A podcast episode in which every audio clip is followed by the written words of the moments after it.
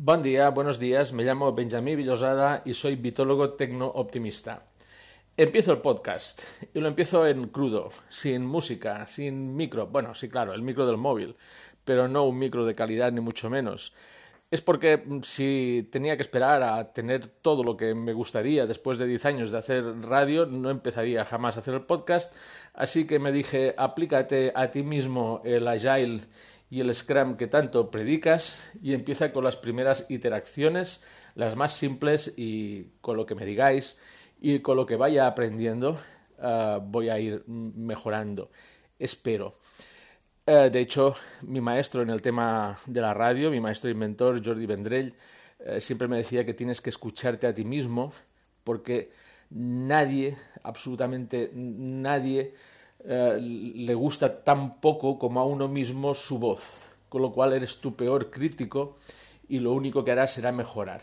Así que a continuación intentaré oírme y sobrevivir. El podcast no sé si será en castellano, en catalán, eh, lo sabréis cuando empecéis a escuchar. Quizás deberé, debería poner alguna marca en el título para que los que son en catalán, si no os interesan, pues paséis de ellos y si nos interesan en castellano también. Quiero hacer un podcast porque eh, creo que es muy importante la voz. De hecho, pensaba que en más de 10 años de programas de radio, y diciendo muchísimas cosas en la radio, algunos días enfadado, otros no, eh, siempre se había transmitido mi tono y nunca tuve problemas. En cambio, en las redes tienes problemas prácticamente cada semana. Y es que el tono por escrito no se transmite. Tienes que ser muy bueno para transmitirlo. Y las redes eh, tampoco puedes extenderte demasiado, quieren brevedad. Y aunque lo hagas en tu blog con más extensión o en Medium, cuesta transmitir el tono.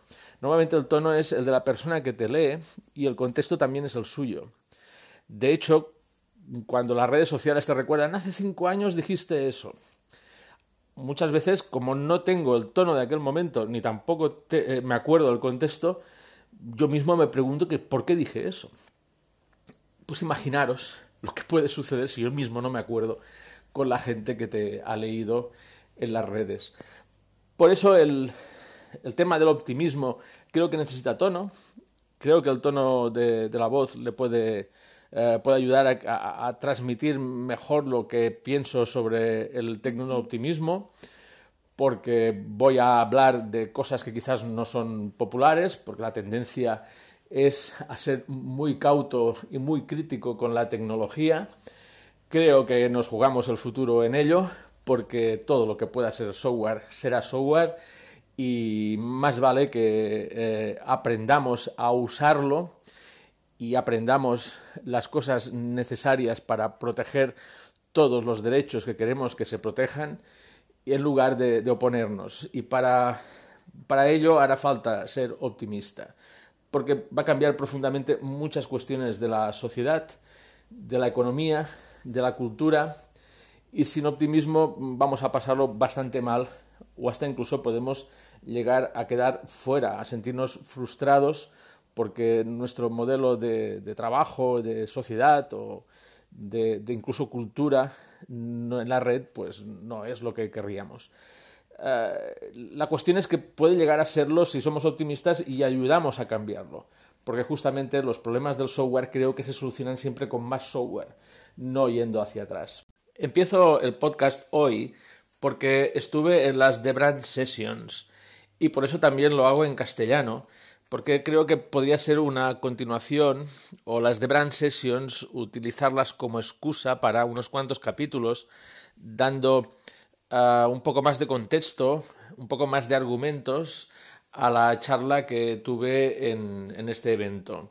El evento lo organizó Mandarina Brand, uh, Pilar es la que me invitó, organizadora junto con su equipo. Felicidades, muchas gracias. El formato ha estado muy bien, tanto que me ha recordado la radio y por lo tanto el podcast. Eh, sí, nos dijeron no habrá pantallas, no tenéis que traer un PowerPoint y tenéis 15 minutos. Son cinco menos que los TED Talk.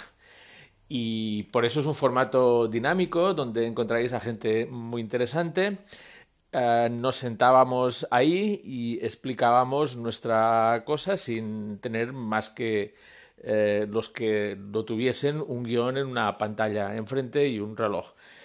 Pero eh, el no tener presentación me recordó a la radio. En la radio no hay presentaciones por motivos obvios, pero porque siempre improvisé en cierta manera. Sé, lo que quiero decir.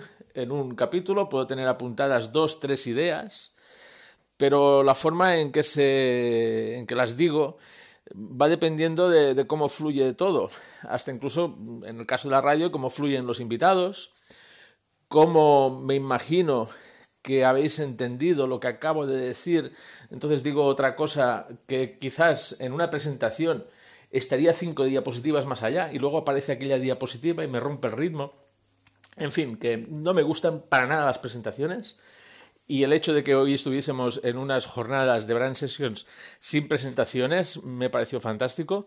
Las encontraréis en vídeo y cuando veáis los vídeos pues en el caso del mío mm, tendréis a través de algunos capítulos de podcast que serán en castellano como el vídeo un refuerzo a las cosas que digo, porque eh, creo que debería haber puesto más, más ejemplos eh, para reforzar lo que, lo que estaba explicando, porque si no parece que pontificas. Eh, hay más ejemplos que los que dije, hay algunos, algunas evidencias más que te hacen decir según qué máximas que pueden parecer un poco atrevidas, porque decir que todo va a ser software. No dije que la mayoría de las empresas que hoy están aquí dentro de 10 años quizás ya no existan, pero por ahí va la cosa.